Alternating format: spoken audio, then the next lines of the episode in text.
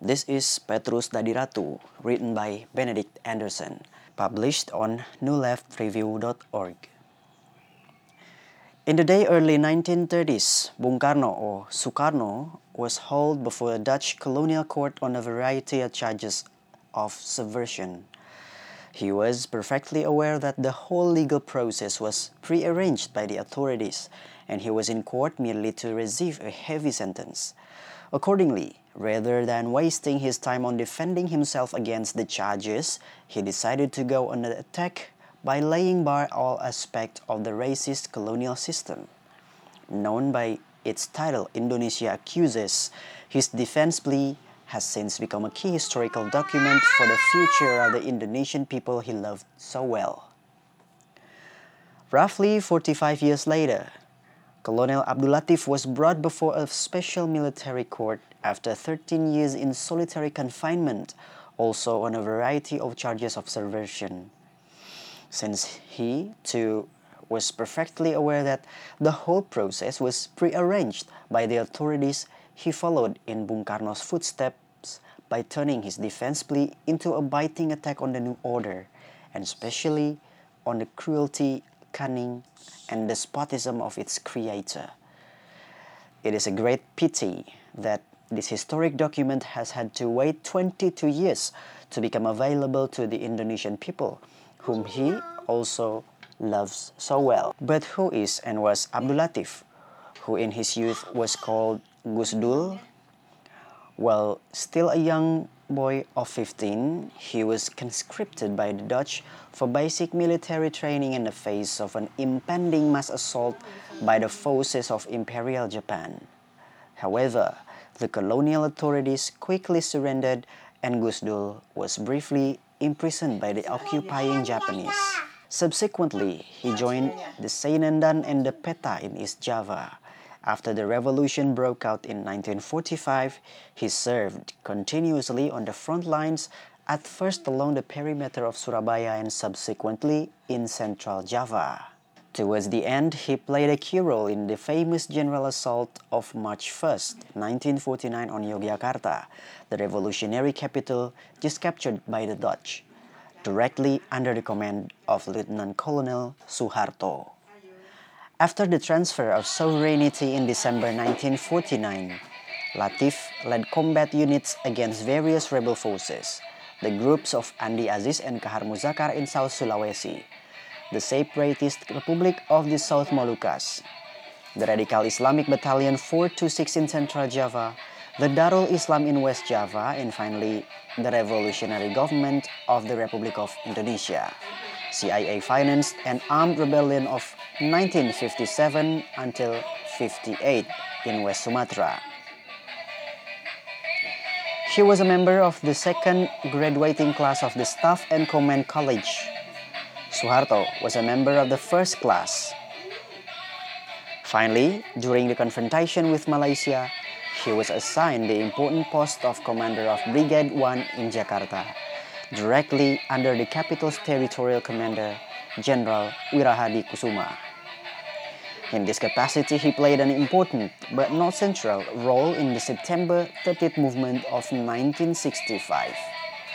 From the sketch, it is clear that Gus Dul was and is a true blue combat soldier with the psychological formation typical of the nationalist freedom fighters of the independence revolution and an absolute loyalty to its great leader. His culture, the many reference in his defense speech both to the Quran and to the New Testaments indicate a characteristic Javanese syncretism.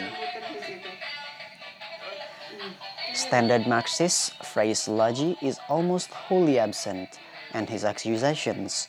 The first is that Suharto, then the commander of the Army Strategic Reserve, the first is that Suharto, then the commander of the Army Strategic Reserve or Kostrad, was fully briefed beforehand by Latif himself on the Council of Generals plotting Sukarno's overthrow, and on the September 30th movement plan to preventive action.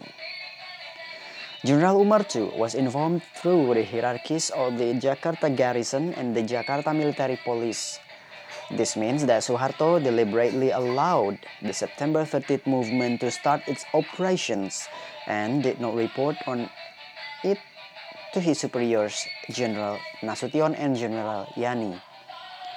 By the same token, Suharto was perfectly positioned to take action against the September 30th movement once his rival at the top of the military command structure had been eliminated. Machiavelli would have uploaded. We know that Suharto gave two contradictory public accounts of his meeting with Latif late in the night of September 30th at the Army Hospital. Neither one is plausible. To the American journalist Arnold Brackman, Suharto said that Latif had come to the hospital to check on him. Suharto's baby son Tommy was being treated for minor burns from scalding soup. But checking on him for what? Suharto did not say. To Der Spiegel, Suharto later confided that Latif had come to kill him but lost his nerve because there were too many people around, as if Gusdul only then realized that hospitals are very busy places. The degree of Suharto's commitment to truth can be gauged from the following facts. By October 4th of 1965, a team of forensic doctors had given him directly their detailed autopsies on the bodies of the murdered generals. The autopsies showed that all the victims had been gunned down by military weapons. But two days later, a campaign was initiated in the mass media by then fully under Kostrad control to the effect that the generals' eyes had been gouged out and their genitals cut off by members of the Gerwani, the Communist Party's women affiliate. These icy lies were planned to create an anti-communist hysteria in all strata of Indonesian society. Other facts strengthen Latif's accusations. Almost all the key military participants in the September 9th 13th movement were, either currently or previously, close subordinates of Suharto. Lieutenant Colonel Untung, Colonel Latif, and Brigadier General Suparjo in Jakarta and Colonel Suherman, Mayor Usman, and their associates at the Diponegoro Division's HQ in Semarang. When Untung got married in 1963, Suharto made a special trip to a small central Javanese village to attend the ceremony. When Suharto's son Sigit was circumcised, Latif was invited to attend, and when Latif's son turn came, the Suharto family were honored guests. It is quite plain that these officers who were not born yesterday fully believed that Suharto was with them in their endeavor to rescue Sukarno from the conspiracy of the Council of Generals. Such trust is incompensable unless Suharto, directly or indirectly, gave his assent to their plans. It is therefore not at all surprising that Latif's answer to my question, How did you feel on the evening of the October 1st, Suharto had full control of the capital by late afternoon was I felt I had been betrayed. Furthermore, Latif's account explains clearly one of the many mysteries surrounding the September 30th movement. Why were the two generals who commanded directly all the troops in Jakarta, except for the Presidential Guard, namely Kostrad Commander Suharto and Jakarta Military Territory Commander Umar, not taken care of by the September 30th movement if its members really intended a coup to overthrow the government as the military prosecutors charged? The reason is that the two men were regarded as friends. A further point is this. We now know that months before October 1, Ali Murtopo, then Kostrad's intelligence chief, was pursuing a foreign policy kept secret from both Sukarno and Yani, exploiting the contacts of the former rebels. Clandestine connections were made with the leaderships of two then enemy countries, Malaysia and Singapore, as well as with the United States. At that time, Benny Murdani was furthering these connections from Bangkok, where he was disguised as an employee in the local Garuda office. Hence, it looks as if Latif is right when he states that Sukarno was two faced, or perhaps better put, two fisted. In one fist, he held Latif Untung Suparjo, and the other Murtopo Yoga Sugama Murdani. Wow. The second accusation reversed the charges of the military prosecutor that the September 30th movement intended to overthrow the government and that the Council of Generals was a pack of lies. Latif's conclusion is that it was precisely Suharto who planned and executed the overthrow of Sukarno, and that the Council of Generals did exist, composed not of Nasution Yani at all, but rather of Suharto and his trusted associates, who went on to create a dictatorship based on the army which lasted for decades thereafter. Here, once again, the facts are on Latif's side. General Pranoto Rekso Samudro, appointed by President or Commander-in-Chief Sukarno as acting army commander after Yani's murder, found his appointment rejected by Suharto and his person soon put under detention. Aidit, Lukman, and Nyoto, the three top leaders of the Indonesian Communist Party, then holding ministerial rank in Sukarno's government, were murdered out of hand. And although President Sukarno did his utmost to prevent it, Suharto and his associates planned and carried out vast massacre in the months of October, November, and December 1965. As Latif himself underlines, in March 1966, a silent coup took place. Military units surrounded the building where a planetary cabinet meeting was taking place and hours later the president was forced, more or less at gunpoint, to sign the Super Marquis Super Semar. Suharto immediately cashiered Sukarno's cabinet and arrested 15 ministers. Latif's simple verdict is that it was not the September 13th movement which was guilty of grave and planned insubordination against the president, ending in his overthrow, but rather the man whom young Wags have been calling Mr. TEK. Latif's third accusation is broader than the others and just as grave. He accuses the New Order authorities of extraordinary and wholly extra-legal cruelty, that the accuser is today still alive. With his wits intact and his heart full of fire, shows him to be a man of almost miraculous fortitude. During his arrest on October 11, 1965, many key nerves in his right thigh were severed by a bayonet, while his left knee was completely shattered by bullets. In fact, he put up no resistance. In the military hospitals, his entire body was put into a gypsum cast so that he could only move his head. Yet, in this condition, she was still interrogated before being thrust into a tiny, dank, and filthy isolation cell where he remained for the following 13 years. His wounds become gra- his wounds became gangrenous and emitted the foul smell of carrion when on one occasion the cast was removed from inspection. Hundreds of maggots came crawling out. At the sight, one of the jailers had to run outside to vomit. For two and a half years, Latif lay there in his cast before being operated on.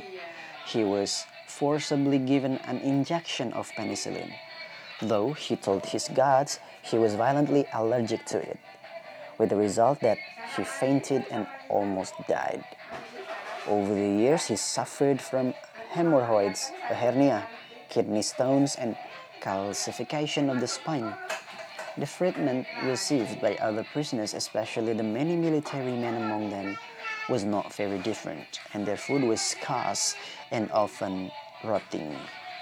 It is no surprise, therefore, that many died in the Salemba prison. Many became paralytics after torture, and still others went mad.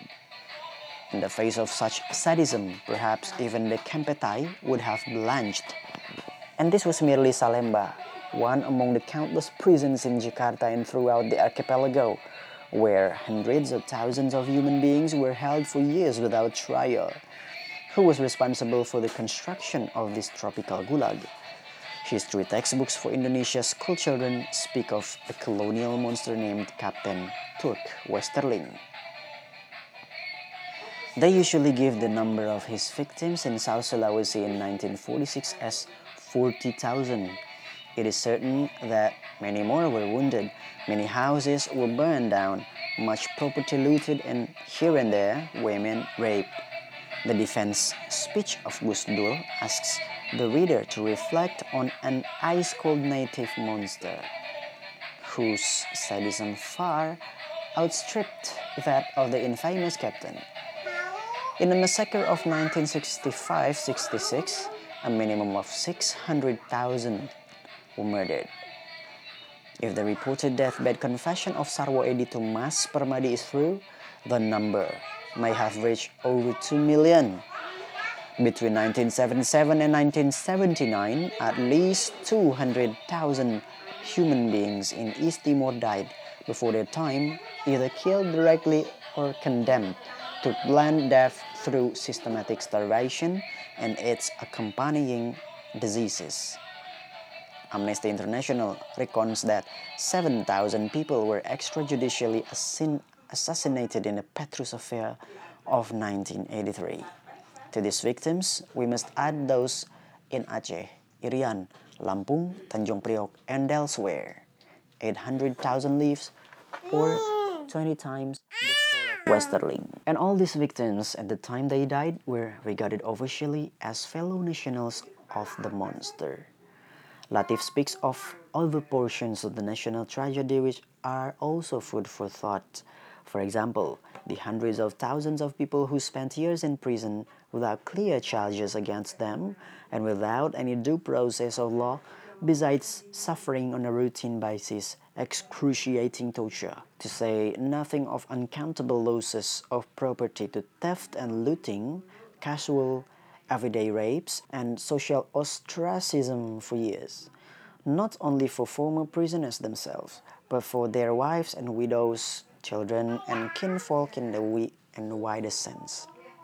Latif's J'accuse was written 22 years ago, and many things have, have happened in, this, in his country in the meantime.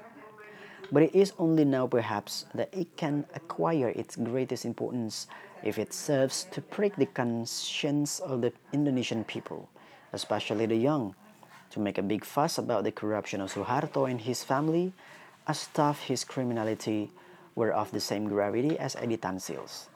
It's like making a big fuss about Idi Amin's mistresses, Slobodan Milosevic's speculations, or Adolf Hitler's kitschy taste in art. That Jakarta's middle class and a substantial part of its intelligentsia still busy themselves with the cash stolen by Father Harto. Perhaps, in their dreams, they think of it as our cash shows very clearly that they are still unprepared to face the totality of Indonesia's modern history. This attitude, which is that of the ostrich that plunges its head into the desert sands, is very dangerous. A wise man once said, Those who forget or ignore the past are condemned to repeat it. Terrifying, no? Those who forget or ignore the past are condemned to repeat it. Important as it is, Latif's defense, composed under exceptional conditions, cannot lift the veil which still shrouds many aspects of the September 30th movement and its aftermath. Among so many questions, one could raise at least this. Why was Latif himself not executed when Untung, Suparjo, Air Force Mayor Surono, and others had their death sentence carried out? Why were Yani and the other generals killed at all when the original plan was to bring them as a group face to face with Sukarno. Why did First Lieutenant Dul Arif of the Presidential Guard, who actually led the attacks on the generals' homes, subsequently vanish without a trace? How and why did all the Central Java fall into the hands of supporters of the September 30th movement for a day and a half, while nothing similar occurred in any other province? Why did Colonel Suherman, Mayor Usman, and their associates in Semarang also disappeared without a trace? Who really was Sham, alias Kamaruzaman, former official of the Rekomba of the federal state of Pasundan, former member of anti-communist Indonesian Socialist Party, former intelligence operative for the Greater Jakarta Military Command, at the time of the huge smuggling racket run by General Nasution and General Ibnu Sutowo out of Tanjung Priok, as well as former close friend of Dan Aidit. Was he an army spy in the ranks of communists, or a communist spy inside the military, or a spy for a third party, or all three simultaneously? Was he really executed, or does he live comfortably abroad with a new name and a fat wallet? Latif also cannot give us answer to these questions about key aspects of the activities of the September 30th movement, above all its political stupidities. Lieutenant Colonel Untung's radio announcement that starting from October 1st, the highest military rank would be the one he himself held, automatically made enemies of all the generals and colonels in Indonesia, many of whom held command of important combat units. Crazy surely, why was the announced list of the members of the so-called Revolutionary Council so confused and implausible? Why did the movement not announce that it was acting on the orders of President Sukarno, even if this was untrue, but instead dismissed Sukarno's own cabinet? Why did it not appeal to the masses to crowd into the streets to help safeguard the nation's head? It passes belief that such experienced and intelligent leader as Aidit, Nyoto, and Sudisman would have made such a string of political blunders. Hence, the suspicion naturally arises that this string was deliberately arranged to ensure the movement's failure. Announcements of the kind mentioned above merely confused the public, paralyzed the masses, and provided easy pretexts for smashing the September 30th movement itself. In this event, who really set up these bizarre announcements and arranged for their broadcast over national radio, most of the main actors in and key witness to the crisis of 1965 have either died or been killed. Those who are still alive have kept their lips tightly sealed for various motives. For example, Umar Wirahadi Kusuma, Omar Dhani, Sudarmono, Rawang, M. Panggabean, Beni Murdani, Miss Hartini, Murshid, Yoga Sugama, Andi Yusuf, and Kemal Idris. Now that 35 years have passed since 1965, would it not be a good thing for the future of Indonesian nation if these people were required to provide the most detailed accounts of what they did and witnessed before they go to meet their maker? According to an old popular saying, the mills of God grind slowly but very fine. The meaning of this adage is that in the end, the rise of truth will be separated from the chaff of confusion and lies. In every part of the world, one day or another, long held classified documents, memoirs, and manuscripts locked away in cabinets and diaries gathering dust in the attics of the green children will be brought to his mill and their contents will become known to later generations. With this book of his shut away during 21 years of extraordinary suffering, Abdul Latif, with his astonishing strength, was provided an impressive exemplification of the old saying. Who knows, someday his accusations may provide valuable material for the script of that play in the repertoire of the National History Shadow Theatre, which is entitled, Well, what else could it be? Petrus becomes king. Additional note. In traditional Javanese shadow theater, Petruk Dadi Ratu is a rollicking farce in which Petruk, a well-loved clown, briefly becomes king with predictably hilarious and grotesque consequences. For Petrus, read Killer, see note 12 above. Suharto notoriously saw himself as a new kind of Javanese monarch thinly disguised as a president of the Republic of Indonesia.